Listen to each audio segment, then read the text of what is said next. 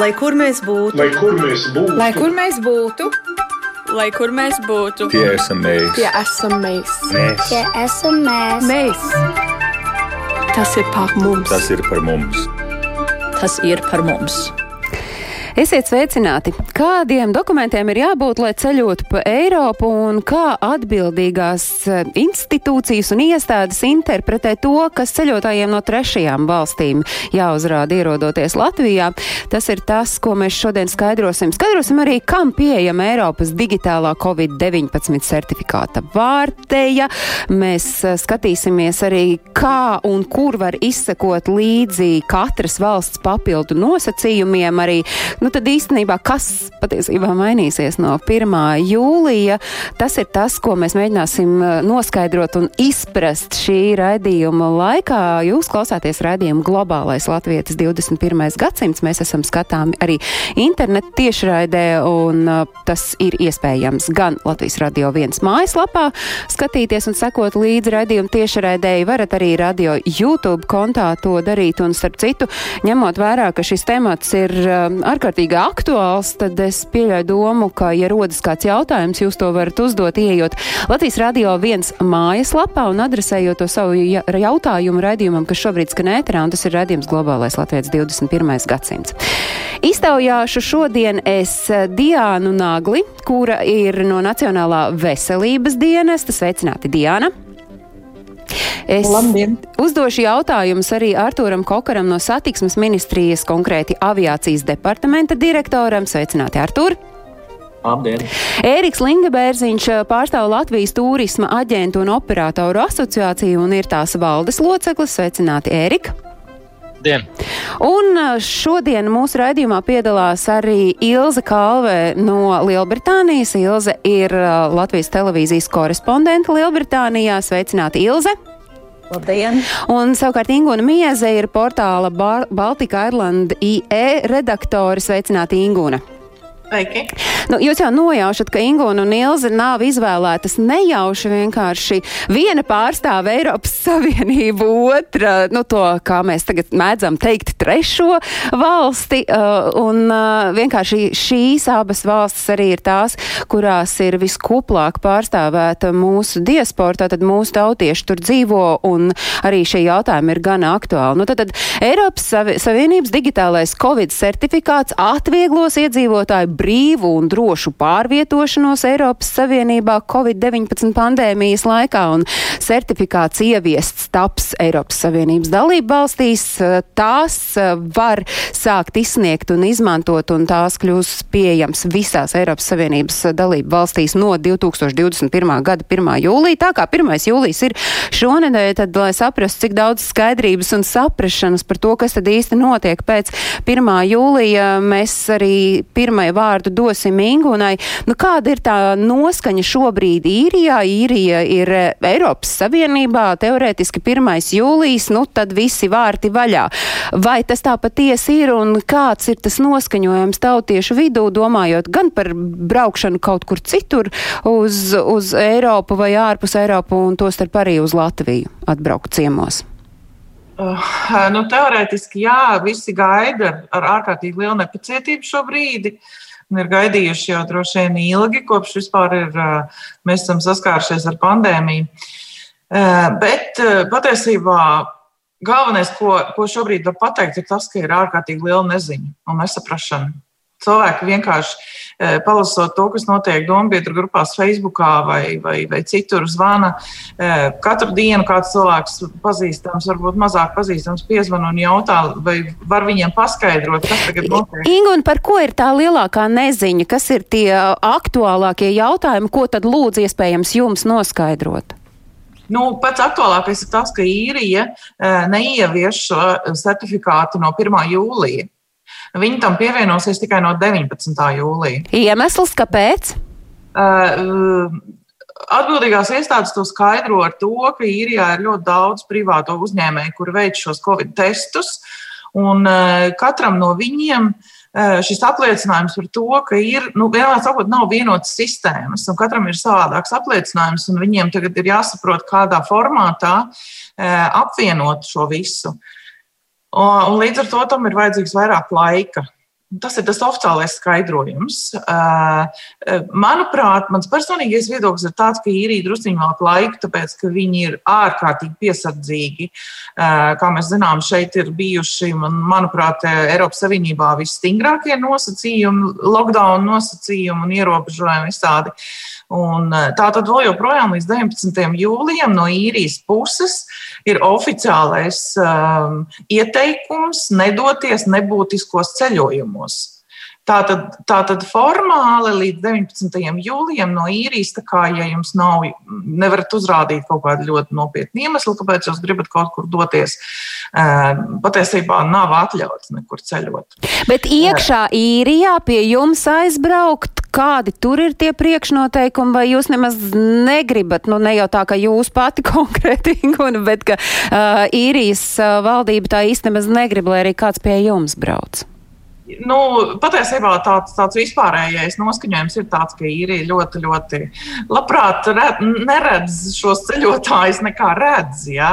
Jo, jo ir ārkārtīgi strikti, strikti noteikumi, protams, no valstīm, kas ir vispār sarkanajā sarakstā, tiem ir obligātais, obligātā pašizolācija viesnīcā, kas ir jums jāapmaksā par savu naudu un kas izmaksā vismaz 2000 eiro no Eiropas ietvaros varbūt ir, ir mazliet vieglāk, un, protams, var un ir prasība ievērot. Uh, kas, valstīm, kas nav zaļajā sarakstā, ir prasība ievērot, protams, pašizolāciju, nu, bet to var darīt mājās.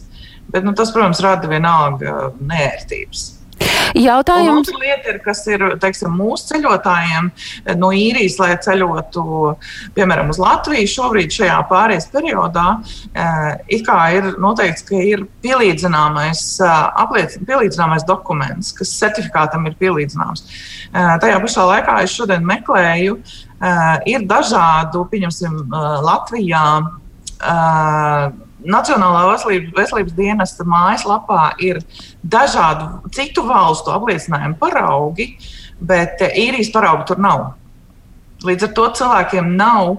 Eh, un nekur nav pateikts, kas ir īsti tas, piemēram, eh, apliecinājums cilvēkam, kurš ir vakcinēts, kas ir apliecinājums cilvēkam, kurš ir izslimojis Covid šis rada ļoti, ļoti lielu neizpratni un, un, un bažas cilvēkiem. Pēc mirklīša mēs šo arī jautāsim, ņemot vērā to, ka mums ir Nacionālā veselības dienesta pārstāve arī iesaistījusies mūsu raidījumā, bet es vēl gribu tagad Ilzē jautāt, kāds ir tas noskaņojums Lielbritānijā, gan lai brauktu kaut kur ārpus Lielbritānijas piemēram, uz Latviju, un arī par tiem, kuri gribētu aizbraukt pie jums. Cik uh, plaša un, un, un izsmeļoša ir tā informācija, kas ir jums uz vietas zināma? Nu, īstenībā situācija ir, uh, nu, kā lai saka, ja cilvēkam nav vēlmes dienām rakties papīros un skatīties, kas atbilst, kas neatbilst, jo uh, Uh, to visu nosaukt par hausu, man liekas, tas tāds ļoti civilizēts apzīmējums. Ir vienkārši prasts bardaks. Taču ir ļoti, ļoti patīkami, ka beidzot mums ministra kabinets ir uh, pieņēmis noteikumus, uh, tas ir nevis pieņēmis noteikumus, bet uh, papildinājis uh, noteik, noteikumus numur 360, kur ir teikts, ka no apvienotās karalistes līdz 1. septembrim tiek pieņemts vakcinācijas apliecinājums. Un tas mums ir ļoti, ļoti būtiski, jo, protams, cik es saprotu, mūsu QR kodu skanēt nevar. Un mums ir ļoti daudzi vakcinēti. Es skatījos, cik bija 44 miljoni, šķiet, bija pirmā doze, ja, kas ir no iedzīvotāju skaitu, tas ir, manuprāt, tas bija 80% pieaugušo. Jā. Tas nozīmē, ka ļoti, ļoti liela daļa mēs esam vakcinēti. Un iebraucot Latvijā, mums eh, ar vakcinācijas certifikātu vai apliecinājumu, kas būtu pareizi jāsaka, mums nevajag ne taisīt testus pirms lidošanas, ne arī nepieciešams pašizolēties, nav nepieciešams arī tests iebraucot Latvijā. Taču, diemžēl, braucot atpakaļ uz Lielbritāniju, mums, te, mums ir vajadzīgi testi lidošanai mums ir vajadzīgs 2. un 8. dienā tests Anglijā. Un uh, pašizolācija, nu, īstenībā noteikumi ir daudz, bet iespējams, ka kaut kas mainīsies, jo mums nu pat mainījās uh, veselības ministrs. Nezinu, varbūt, ka pamanījāt, tur bija diezgan liels skandāls.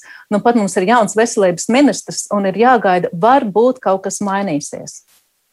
Tātad šobrīd tā situācija ir tāda, ka jums no Lielbritānijas braucot uz Latviju vakcinētam cilvēkam ir tā kā vienkārši, es pareizi saprotu, ir vienkāršāki visi Jā. tie noteikumi nekā Jā. tad, kad cilvēks brauc atpakaļ vai brauc vienkārši ciemos uh, uz Jā. Lielbritāniju. Jā, jo Latvija, Latvija ir atvieglojusi vakcinētajiem iebraukšanu un nav, nav nepieciešama pašizolācija. Bet savukārt Lielbritānijā vakcinētājiem pagaidām nekādu priekšrocību nav. Bet nu, jācer, ka būs, jo par to ļoti, ļoti daudz runā un prasa. Jo, jo gal galā, nu, kāda jēga vakcinēties, ja nu, Nu, te mēs droši vien, ka jautājam Nacionālā veselības dienesta pārstāvēja Dianai Naglai. Diana ir projektu vadītāja Nacionālajā veselības dienestā.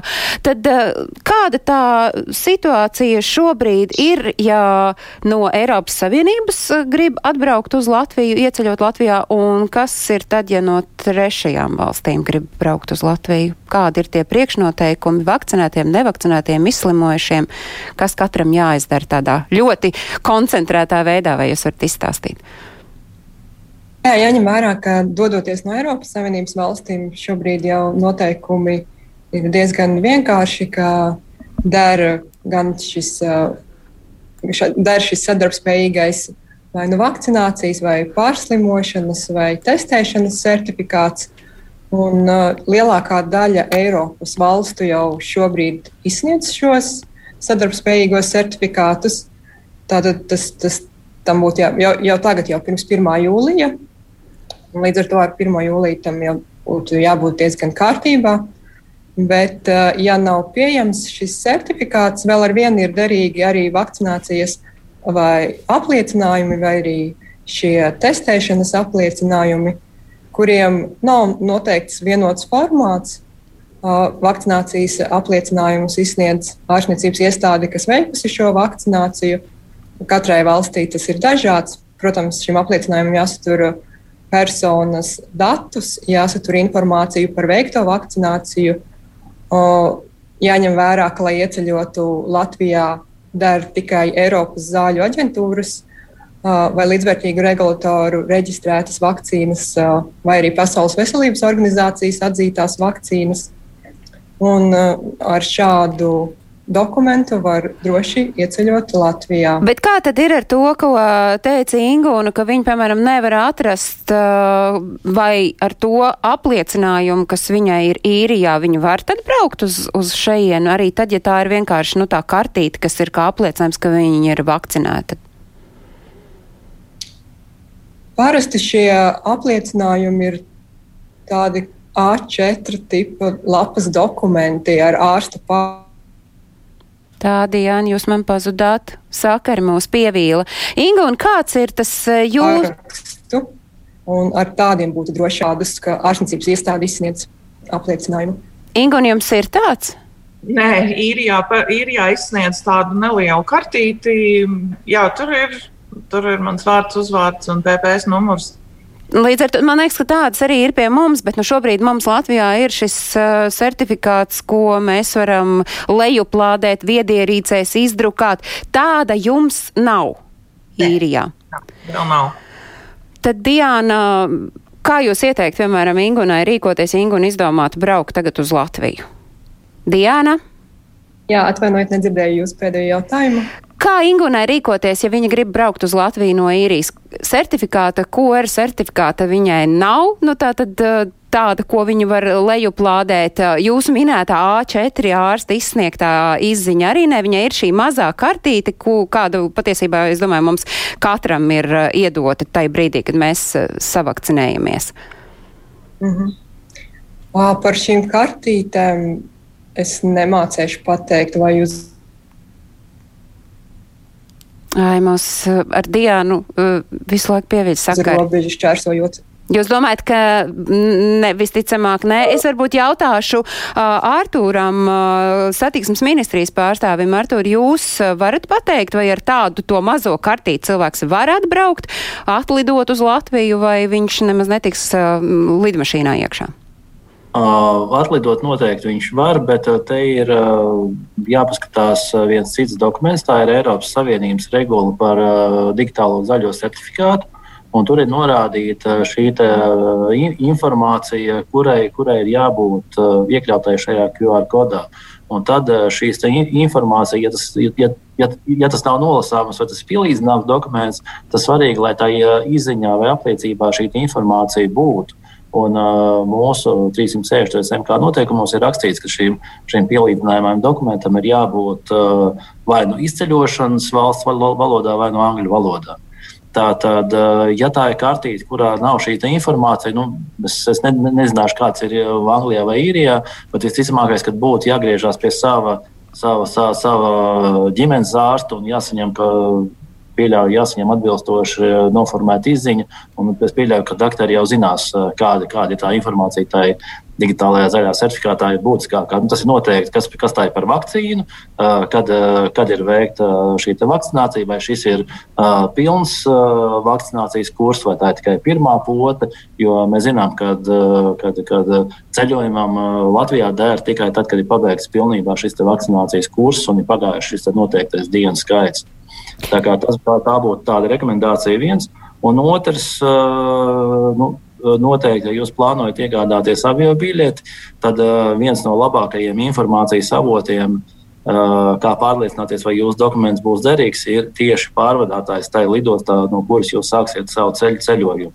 Jo tā ir tā, tie, tie cilvēki, kas veic šo fizisko pārbaudi šim dokumentam. Nu, proti, avio kompānijā ir jāvēršas konkrētajā avio kompānijā, bet vai avio kompānija var tur, piemēram, izvirzīt kaut kādus vēl papildu noteikumus, vai tas, kas konkrētajā valstī, uz kuru es dodos, ir pieņemts un kādu mani tur ielaidīs un pieņems, tad tādiem tiem noteikumiem ir jābūt arī avio kompānijai. Avio kompānijām šie visi nosacījumi ir nenormāli, nenormāli milzīgs sloks un šķērslis, kas attur cilvēkus no ceļošanas. Tāpēc avio kompānijas būtu vispār laimīgas samazināt šo, te, šo te pārbaudāmo dokumentu skaitu, un noteikti avio kompānijas neizdomās nekādas jaunas pra, prasības. Bet nu, vienmēr ir cilvēku faktors, vienmēr ir vieta interpretācijai. Tādēļ, un kā mēs arī redzam, teiksim, Anglijā viena veida dokumenti ir, Vācijā noteikti ir citi. Līdz ar to ir jāpārliecinās tai izlidošanas lidostā, vai jums uz rokas esošais dokuments ir pietiekošs, lai jūs izlaistu ārā no, no, no valsts. Tas ir viens izlaist no valsts, un, un pēc tam jau ieceļot Latvijā, ja jums ir jāšķērso robežu. Es saprotu, ka Ilza kaut ko līdzīgu mēģina saprast, vai uh, mūsu Nacionālā aviosabiedrība viņu ielaist. Ilza, kā veicas ar, nu, it kā mēs tikko no Artūra, no satiksmes ministrijas pārstāvi dzirdam, nu, ka tas ir jānoskaidro, nu, vienkārši ir jāpajautā. Kā veicas ar noskaidrošanu, pajautāšanu? Uh, es baidos, ka ļoti, ļoti grūti, jo, uh, nu, Iespējams, ka pēdējās nedēļas laikā kaut kas ir mainījies, jā, bet vēl pirms divām nedēļām katrs teica kaut ko citu. Un, nu, tiešām arī zvanot uz Latvijas iestādēm, es esmu saņēmusi ļoti dažādu informāciju. Ja? Un, uh, man tieši bija jautājums, ko darīt gadījumā, ja, piemēram, nu, labi, mēs esam apskatījušies, kā mums ir jālido, mums ir viss skaidrs, kāda ir noteikuma Latvijā, un pēkšņi mūsu lidostas darbinieks, eh, avio kompānijas darbinieks vienalga mūs neielaiž lidmašīnā. Viņš saka, ka mums, piemēram, nu, nedara tas certifikāts. Nu, ko, ko mēs varam darīt? Jautājums, vai mēs varam kaut kur sūdzēties, piemēram, kurš, kurš ir par to atbildīgs, ja mums pēc tam līdzsabiedrībai būtu jāsūdzās? Varbūt ar turam ir atbildi, kā rīkoties, nu, kādā katrā konkrētajā situācijā, ja jūs pats arī teicāt, nu, ka tas cilvēciskais faktors nav izslēdzams, nu, tāds var pastāvēt. Un, un, un, tas, tas, tas ir tas, tas, tas vecais stāsts, tās ir attiecības starp, starp klientu un pakalpojumu sniedzēju. Un, ja pakalpojums sniedzējs sniedz jums nekvalitatīvu pakalpojumu, tad jums ir jāgriežās ar atbilstošu sūdzību pie avio sabiedrības. Un, ja avio sabiedrība ignorē, tad tālāk tas ir vai nu patērētāja aizsardzības dienests, vai, nu, vai, vai tālāk arī, arī tiesā. Protams, tie ir ekstrēmi, ekstrēmi gadījumi, bet uh, es uh, arī nu, zinu to, ka šā, šādi gadījumi ir. Viņi, viņi nav varbūt Uh, sistēmiski regulāri, bet uh, noteikti šādi gadījumi ir, kad uh, it sevišķi šajos pārmaiņu, pārmaiņu procesos, kad noteikumi mainās, jo par tiem noteikumiem, par kuriem mēs runājām, Latvijā viņi stājās 16. jūnijā spēkā, tad mums ir pārējais periods līdz 1. septembrim, un atkal vēl visticamākais vairākas reizes šie noteikumi tiks korģēti un vēl precizēti. Tā kā, protams, cilvēciskais faktors tur ir iespējams, bet viss tomēr, kā es gribu atkārtoties, ļoti svarīgi ir saprast, mums pirmais, tās valsts ieceļošanas noteikumus pēc būtības, un šeit šis te avots ir vai nu tas ir vēstniecība, mājaslapas, vai tās ir ārlietu ministrija, mājaslapas, nu, ja tas ir ārvalsts ceļotājs.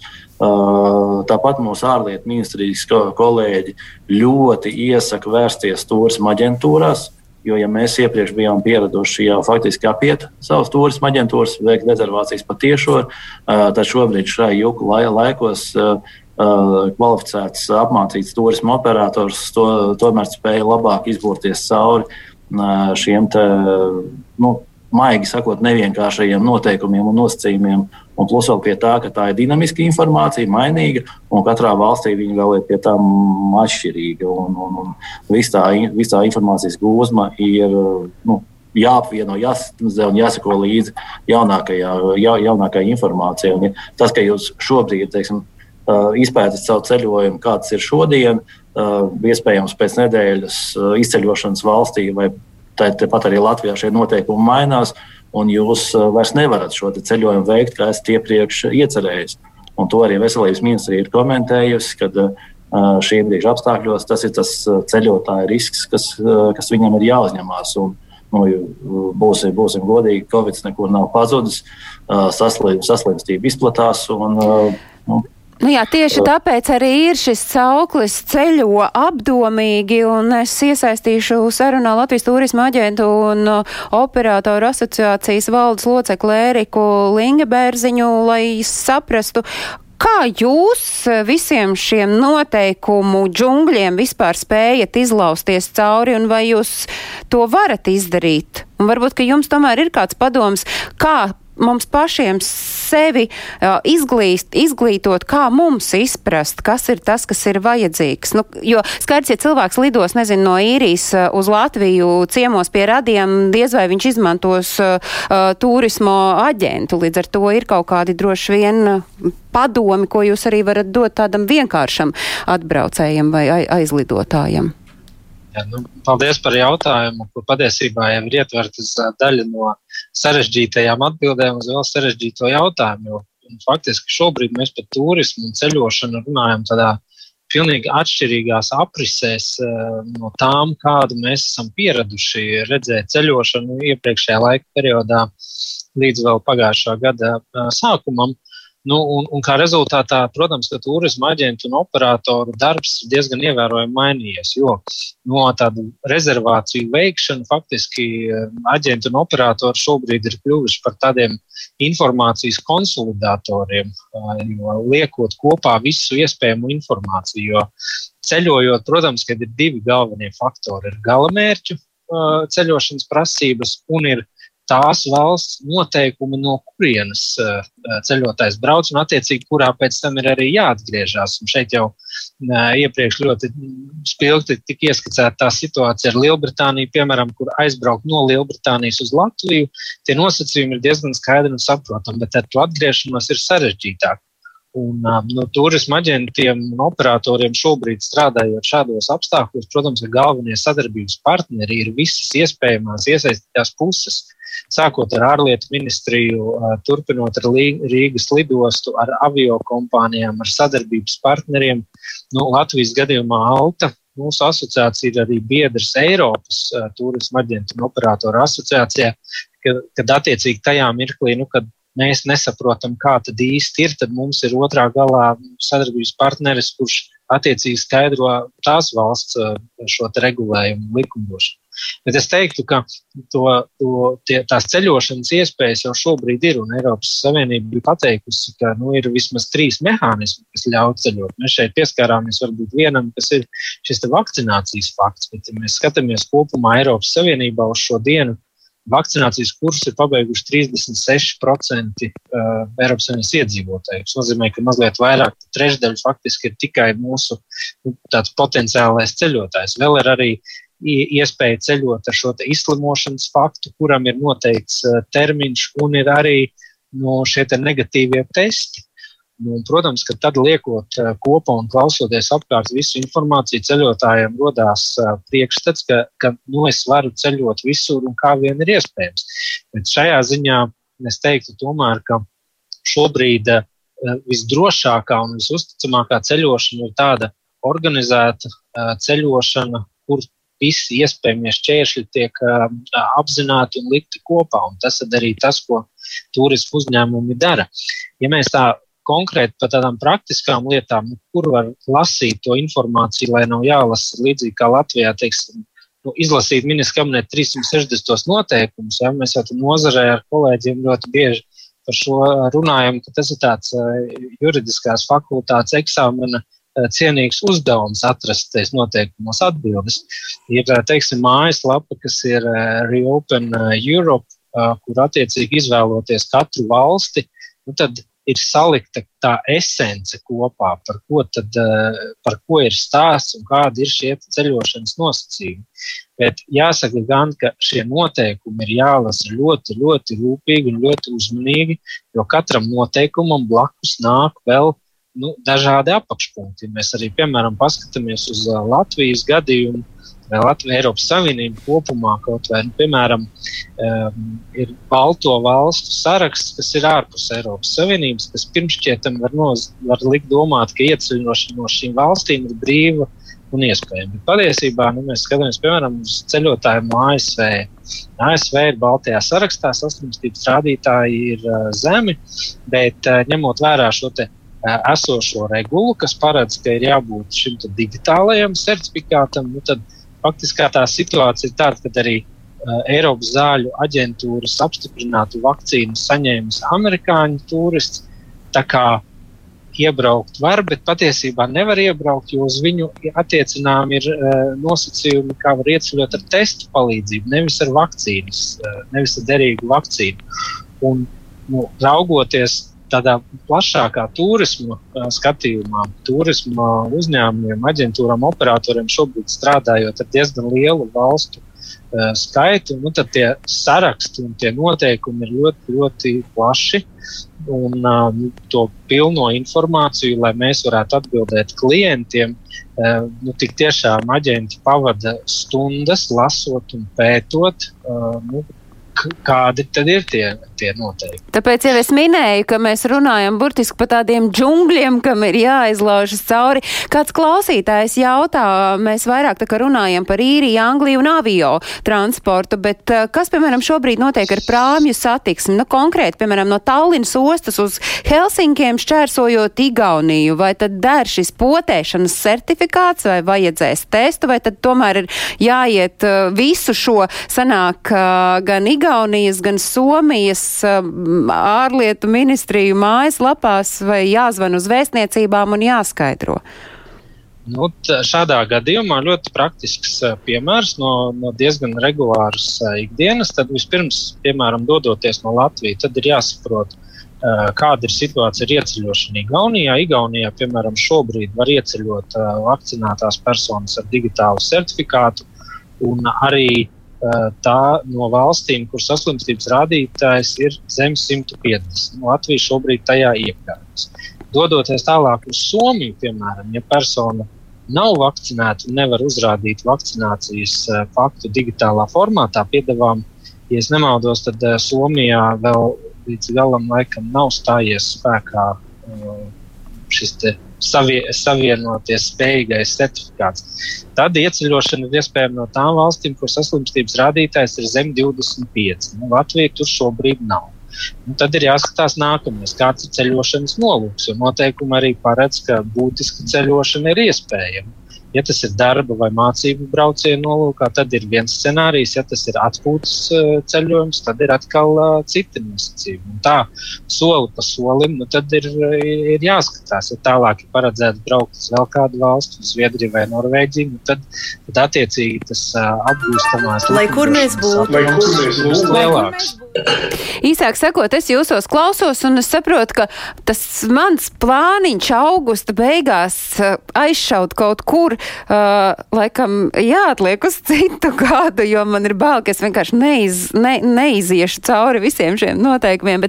Mēs, es noteikti nebūtu tik skeptiski, ka jāatliek uz, uz citu gadu, jo, jo mēs šobrīd esam nu, tādā situācijā, kad tā sistēma sāk strādāt. Un, un redzot, cik īsā laika periodā mēs tomēr esam uh, nokļuvuši no lēmuma, ka Eiropai ir vajadzīga vienota pieeja, lai tomēr restartētu turismu nozari, kur uh, tomēr ir bijusi pietiekami nozīmīga dalība valstu ekonomikās un ar ļoti augstu nodarbināto skaitu.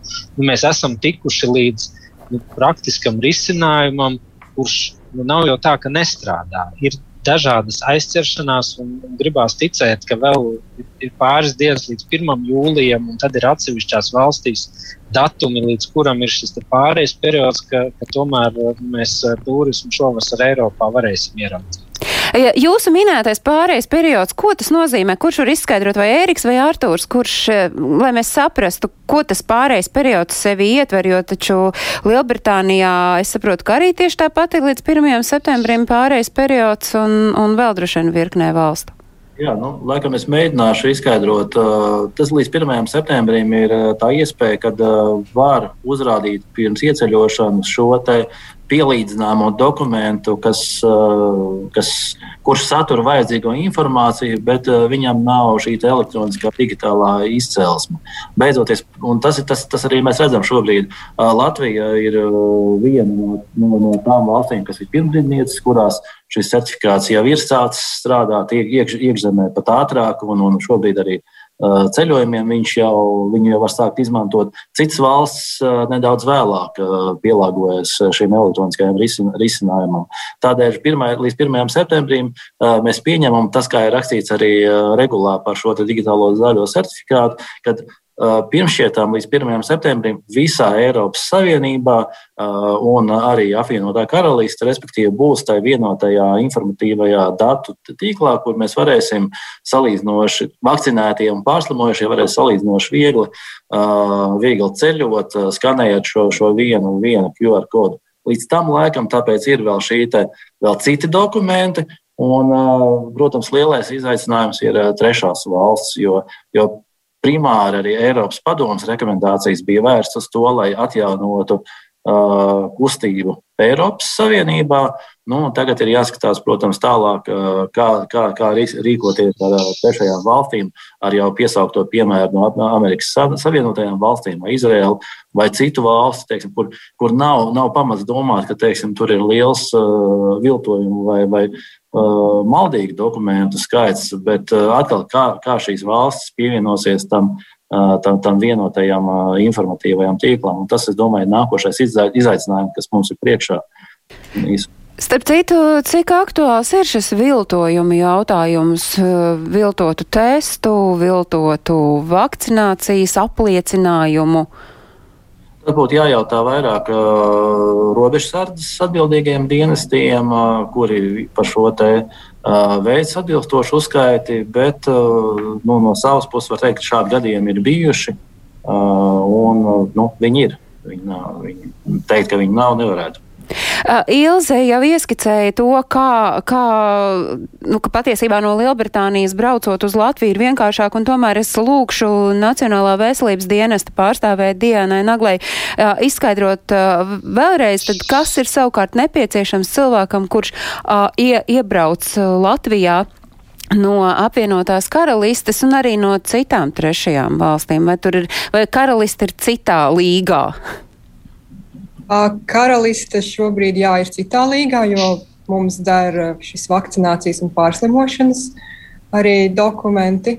Līdz ar to priekšrocības ieceļojot no karalistes, bet jāņem vērā, ka pārsvarā no trešajām valstīm šobrīd dara tikai šis PCR tests. Jā, no šīm valstīm tad ir atļauts ieceļot tikai veicot šo testu un uzrādot testēšanas dokumentu. Jautājums arī no kāda klausītāja, kurš saka, ka iemesls ir noteikumos norādīts, kāpēc brauc tuva radinieka satikšana dēla un meitas, vai tāds derētu, bet vēstniecība liek zvanīt robežsardzēji, un tad, nu, tie bērni tur tā arī ņemas un, un, un, un zvanās. Vienkārši, kam un kur ir jānorāda tas ceļošanas iemesls? Vai kāds man var atbildēt? Nu, ir jā, piemēram, šo ceļošanas iemeslu prasa policijas pārstāvis pirms vispār jūs tiekat līdz iekāpšanai lidmašīnā. Drīkst uh, papildināt, uh, mums jau neviens nav atcēlis arī šādu prasību par uh, Covid pasu aizpildīšanu. Tas ir tas dokuments, kurā ir jāizpild šis ceļo, ceļojuma iemesls. Mēs šobrīd nu, no satiksmes ministrijas puses esam uh, esam rosinājuši uh, arī pārskatīt šo uh, risinājumu, jo nu, ir jāsaprot, vai viņš ir, vai viņš ir samērīgs uh, vismaz tām personām, kurām ir digitālais uh, nu, sadarbspējīgais certifikāts. Līdz ar, to, līdz ar to šai jautājumā arī notiks diskusija, bet šobrīd, jā, šobrīd uh, visām personām ieceļot Latvijā ir jāizpild šis Covid pass, uh, kāds bija arī līdz šim.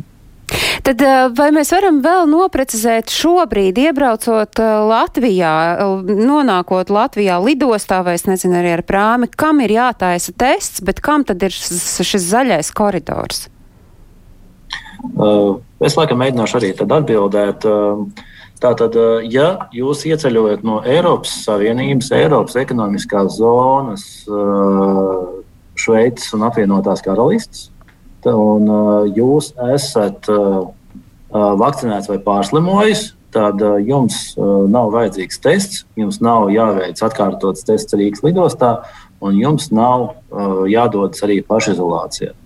Tālāk, ja jūs ieceļojat no šīm publicētajām zema riska trešajām valstīm, tad arī jums šie atvieglojumi saglabājās. Savukārt, ja jūs neesat uh, vakcinēts, tad uh, jums uh, šis atvieglojums saglabājas tikai tad, ja jūs ierodaties no zema riska valsts. Uh, vispārējais, uh, tad jums joprojām saglabājas virkne ar ierobežojumiem, nepieciešamība uh, doties pašizolācijā, nepieciešamība veikt uh, testēšanu. Un, uh, nu, jā, teiks, šis atvieglojums formāts, kāds šobrīd ir, viņš vairāk veicina veicina nu, ceļot vakcinētas personas, vakcinētas cilvēkus. Vēl viens konkrēts jautājums, vai citā valstī saņemta vakcīna pote var tikt reģistrēta pie ģimenes ārsta Rīgā? Šis droši vien būs Nacionālajiem veselības dienestam jautājums. Uh, jā, par potes tiek atzītas, ja, ja šīs ir šīs minētās atzīstamās Latvijā potes, un to ir saņēmis uh, Latvijas iedzīvotājs. Ir uh, jādodas šobrīd uz Nacionālo veselības dienestu, kurš veiks atzīšanu, un tad tālāk sistēmā tiks reģistrēta šī pote un varēs arī saņemt zaļo certifikātu. Vēl ir jautājums. Tīkāku informāciju var meklēt Nacionālā jā, dienesta mājaslapā, un tur būs procedūra izskaidrota, kā to darīt. Vēl es esmu dzirdējis, ka ir, piemēram, cilvēki, kuri saka, ka jaunieši Lielbritānijā, es saprotu, šobrīd var vakcinēties no 18 gadu vecuma, bet uh, mūsu valsts piedarīgie, kuriem vēl, piemēram, ir šeit deklarēta adrese un ir arī saikne ar ģimenes ārstu, viņi plāno, ka viņi gribētu braukt uz Latviju vakcinēties, tas ir iespējams. Jā, tas ir iespējams mūsu valsts piedarīgajiem šeit vakcinēties.